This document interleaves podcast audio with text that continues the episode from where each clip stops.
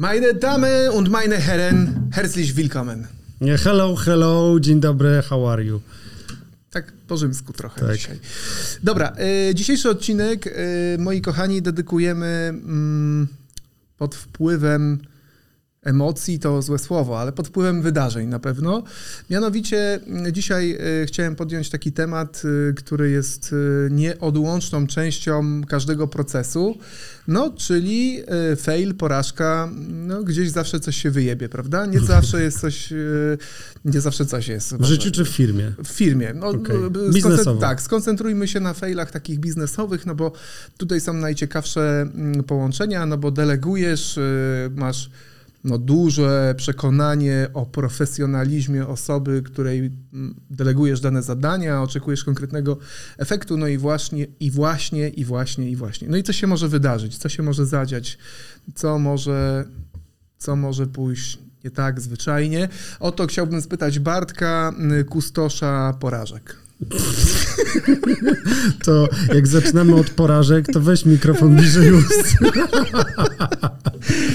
To tak jako pierwsze.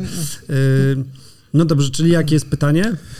Y, dobrze, zredaguję go, żeby było bardziej y, przystępne, czyli mm, czy miałeś do czynienia z takimi porażkami, które w ostatnim czasie były nieoczekiwane, mm, formatem i swoją treścią w firmie, takie, które wywołały w tobie największy efekt takiego zaskoczenia. Na zasadzie gołąb Mariusz i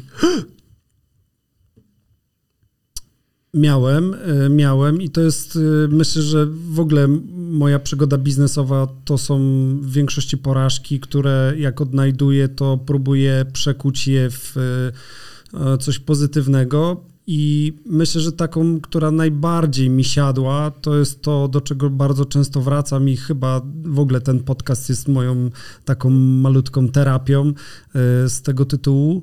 To jest powolne dostrzeganie niewydolności niektórych osób albo psucia atmosfery. To jest dla mnie chyba taka największa porażka, czyli to, że dawałem y, du, dużo czasu na to, żeby się zaadaptować, bo ja po prostu wierzę w ludzi.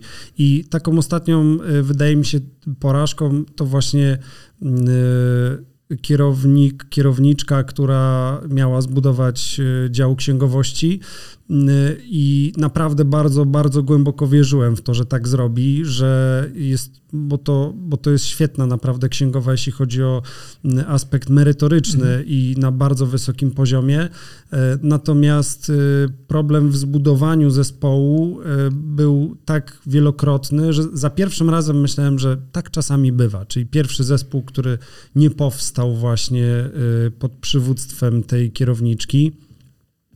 Później pomyślałem sobie, no zdarza się każdemu, e, trzeba jechać dalej. I e, drugi zespół się uformował e, i on też nie przetrwał zbyt długo i to już powinien być dla mnie sygnał, że to jest porażka, którą trzeba bardzo mocno zweryfikować. I dopiero trzeci zespół, który ledwo, ledwo po prostu się ostał, był już dla mnie sygnałem, że jeżeli ten zespół padnie, no to dla mnie to już będzie definitywny sygnał, że, że to po prostu się nie uda. I, no i mówię, ledwo on się ostał i potrzebowałem to już na tym etapie y, skorygować. No i to jest dla mnie porażka, w tym sensie, y, wiadomo, w biznesie chodzi o szybkość, jak i w sporcie. Chodzi o to, żeby szybciej reagować na informacje, które się dostaje. W sporcie może to jest y, szybsza reakcja, timing i tak dalej na to, co się dzieje, na jakieś wydarzenia fizyczne, a w biznesie na informacje, które spływają. No ale no właśnie, przez to, że za bardzo ufam w to, że ludzie są w stanie się zmienić, i za bardzo ufam w słowa, które mówią, no to, no to to jest taka moja ostatnia porażka, taka okay, no to, to, dwie, to dwie sprawy. Nim, odpowie, nim odpowiem na twoje pytanie, to dwie sprawy mi się cisną na, na usta, czyli chciałbyś na pewno powiedzieć widzom, że jednak biznes to sport, tak? to może rekreacja sportowa. Y, no tak, w niektórych oczywiście aspektach można to tak przyrównać i tylko, że tutaj y, tym, co jest dla mnie fascynujące, to to, że wszystko dzieje się w sferze takiej abstrakcyjnej, tak, że to jest reagowanie na informacje i tak jak Rothschildowie już dawno temu odkryli, że informacja jest złotem, no to tu jest identyczna sytuacja. Zresztą okay.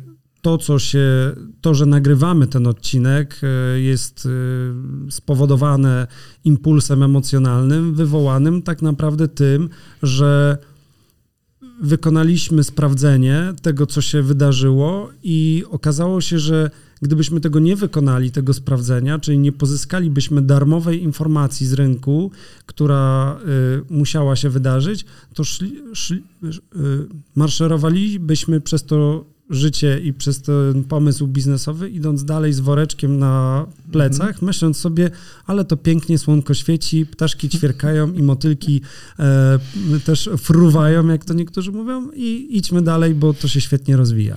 A, a co się stało? A jak myślisz, Bartek, bo jeszcze to muszę ciebie wyciągnąć, co jest bardziej rozczarowujące, rozczarowujące Boże, jaki ten polski jest Rozmagiwujący. O, lepiej. Co jest e, gorsze? O, lepiej. Co jest gorsze? To, że delegujesz zadanie i ono nie jest wykonane, czy to, że delegujesz zadanie i ktoś mówi, że wykona je doskonale, a je właśnie zjebał?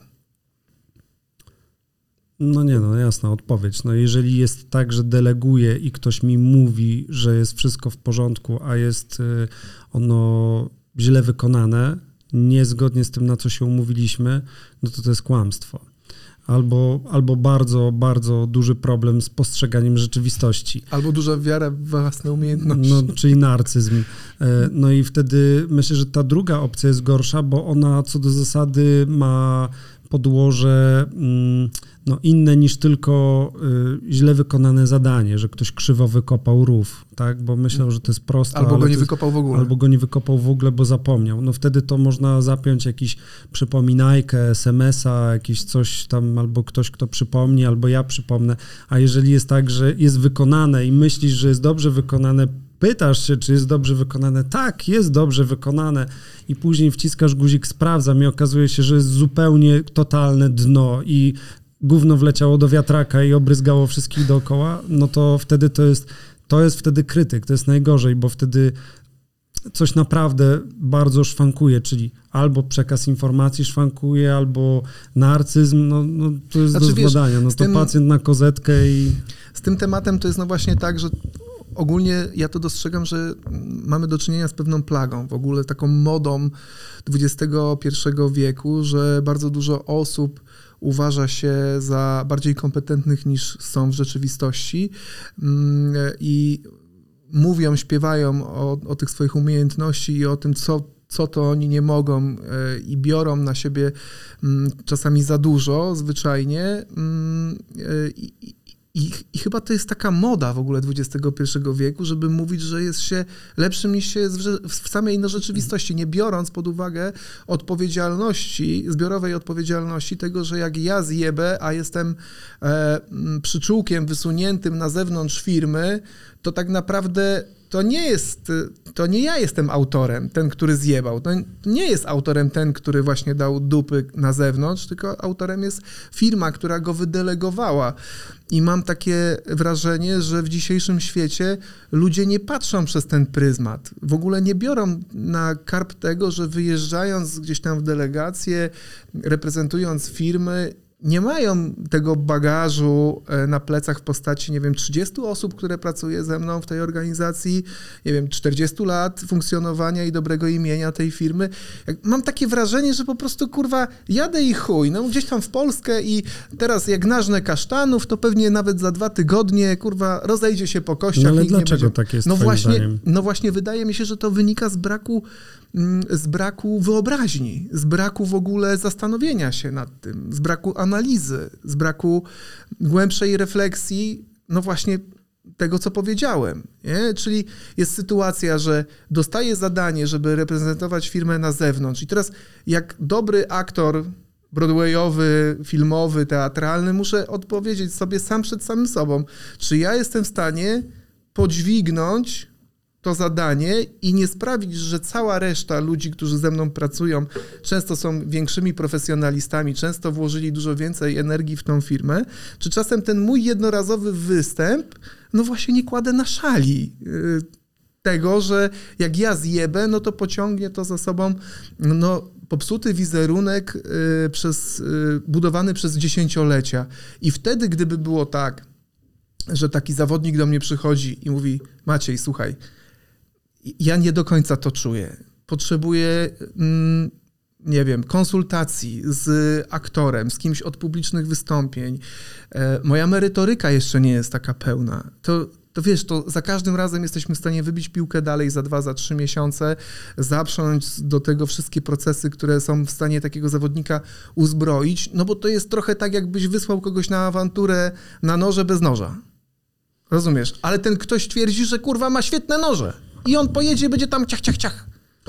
No właśnie, zastanawiam się, czy to jest w ogóle problem y, ogólnie społeczeństwa, bo tak to zaadresowałeś, czy to jest... Mam takie wrażenie, wiesz, że to jest tak jak problem patrzę, to... osoby jakiejś konkretnej, osobowości, o tak bym powiedział. Nie chodzi o to, że to z mm -hmm. imienia tam mm -hmm. Mariusz, czy ktokolwiek inny, tylko... Czy Błażej. Tylko, czy Błażej, tylko y, osobowości, bo y, kiedyś robiliśmy w firmie takie testy Facet 5, które są oparte o wielką piątkę psychologiczną, czyli tam ekstrawersja, introwersja, jakaś tam wrażliwość na bodźce i tak dalej, gotowość na doświadczenia. I z tego wychodzą ciekawe wnioski, między innymi takie, że są, jakby to jest oczywiste, że nie trzeba testu do tego, że są ludzie, którzy są typowymi perfekcjonistami, a są tacy, którzy są e, im, improwizują bardzo mocno i nie lubią się na przykład przygotowywać. No i teraz myślę, że to jest taka kombinacja tego wszystkiego, czyli e, perfekcjonista może by bardzo długo się przygotowywał, co też jest oznaką prokrastynacji, ale nie wystąpiłby taki perfekcjonista, e, zanim by się tego nie nauczył. I tak miałem właśnie z tą z, tym, z tą kierowniczką e, księgowości, czyli absolutny perfekcjonizm przemawiał przez nią, przez co sprawiało, że nikt nie był wystarczająco dobry, żeby spełnić e, warunki stanowiska czy bycia w zespole. E, a z kolei z tej drugiej strony e, chęć improwizacji i mm, taka narcystyczna myśl, że jestem taki świetny, że mogę wszystko opowiedzieć, bo mam to wszystko w głowie, no sprawia, że to idzie w drugą stronę. I, i myślę, że chyba sztuką właśnie tego, tego sportu biznesowego jest to, żeby umiejętnie wyłapać te, te różnice osobowościowe i albo przynajmniej takie procesy zapiąć, że tak jak w McDonaldzie, że nie ma znaczenia, kto tam przychodzi czy ktoś, kto jest głupi, czy mądry, czy stary, czy młody, zawsze ta kanapka wyjdzie taka sama. Ma być idiotoodporny. Ma być idiotoodporny. Po, co, po to są te procesy, tak samo korporacje to robią. No to, to, jest, to jest taki proces, że to jest idiotoodporny. Mhm. E, oczywiście muszą być umiejętności, ale co do zasady jakby łatwo to się sprawdza, łatwo to się kontroluje, bo każdy właśnie jest inny. I zastanawiam się nad tym, czy to przypadkiem y, nie jest tak, że właśnie po to są te procesy. Nie, no i, i tak, absolutnie, ja się z Tobą zgadzam. Natomiast jedno to jest analiza mm, failów wewnątrzfirmowych, które zamykamy w garku, którym się nazywa no, budynek, w którym pracujemy, nazwijmy to najprościej, tak? I jesteśmy w stanie między sobą to mleko rozlane posprzątać, a zupełnie jest inaczej, kiedy to się dzieje na zewnątrz tej firmy. I to jest dla mnie, no totalnie, to są dwa, dwa różne światy. I ja wiem, że z jednej strony wszyscy trąbią dookoła, że do odważnych świat należy. Musisz trzymać głowę wysoko i nosek trzymać również wysoko i mówić za każdym razem, że jesteś dobry i w ogóle. I ja zachęcam po prostu, zachęcam wszystkich ludzi, ludzi, którzy pracują w firmach, e, w korporacjach, żeby zastanowili się, może w korporacjach to nie, bo jebać obcy kapitał, ale w firmach takich jak nasza, Polska, wzrastająca tej przestrzeni geograficznej, zachęcam tych ludzi do tego, żeby za każdym razem, kiedy dostają takie zadanie, żeby się za, dogłębnie zastanowili nad tym, co oni dostają do ręki. Że to, że to nie jest kasztan, kurwa, który spadł właśnie z drzewa, tylko to jest pierścień mocy, który włada innymi pierścieniami, kurwa, czy ta innymi pracownikami i właśnie możesz to wszystko zjebać jednym swoim głupim występem, więc się zastanów i jeżeli nie czujesz się pewien, to kurwa zgłoś to swojemu przełożonemu i sprawdź, spraw, spraw, aby to wystąpienie miało szansę odbyć się w najlepszych warunkach. Dobierz sobie ludzi do pomocy, przygotuj sobie dodatkowe narzędzia, tak, żeby wyglądało to maksymalnie profesjonalnie, bo jak pojedziesz jak kurwa głupi kasztan i odjebiesz numer, to nie zbłaźniłeś siebie, ale również swoich 30 kurwa kolegów i 30 lat firmy, która funkcjonuje na rynku. Więc to jest dla mnie druzgoczące. Kurwa. Dlatego myślę, że y, tak bardzo potrzebny jest sport na co dzień i on uczy właśnie tego typu zachowań, że y, nawet w takim sporcie indywidualnym jak brazylijskie jiu-jitsu, to co często powtarzasz, że mimo tego, że to jest indywidualny, jest walka dwóch oddzielnych osób, to wspinamy się na plecach swoich sparring partnerów. Tak więc no, myślę, że to dokładnie o to chodzi. No, y, ja się zastanawiam tylko, kończąc, klasycznie w odezwie do, do naszych słuchaczy i widzów, czy waszym zdaniem coś takiego jest failem i czyim failem? Czy to jest tak, że ci, którzy ustawiają procesy, właśnie ponieśli porażkę, czy może jest tak, że e, to właśnie tak jak Maciek mówi, powinien być ten, który bierze odpowiedzialność za zadanie? Zdejmując z siebie po części odpowiedzialność, oczywiście to mówiłem, ale tak naprawdę chciałem się tylko odwołać do jednej e, sprawy. E, dawno, dawno temu Jerzy Sztur zaśpiewał piosenkę Śpiewać każdy może. Otóż kurwa nie, nie każdy może. Dziękujemy. Dzięki, słuchajcie nas e, następnym razem we wtorek lub w czwartek od samego rana. Cześć. Piona.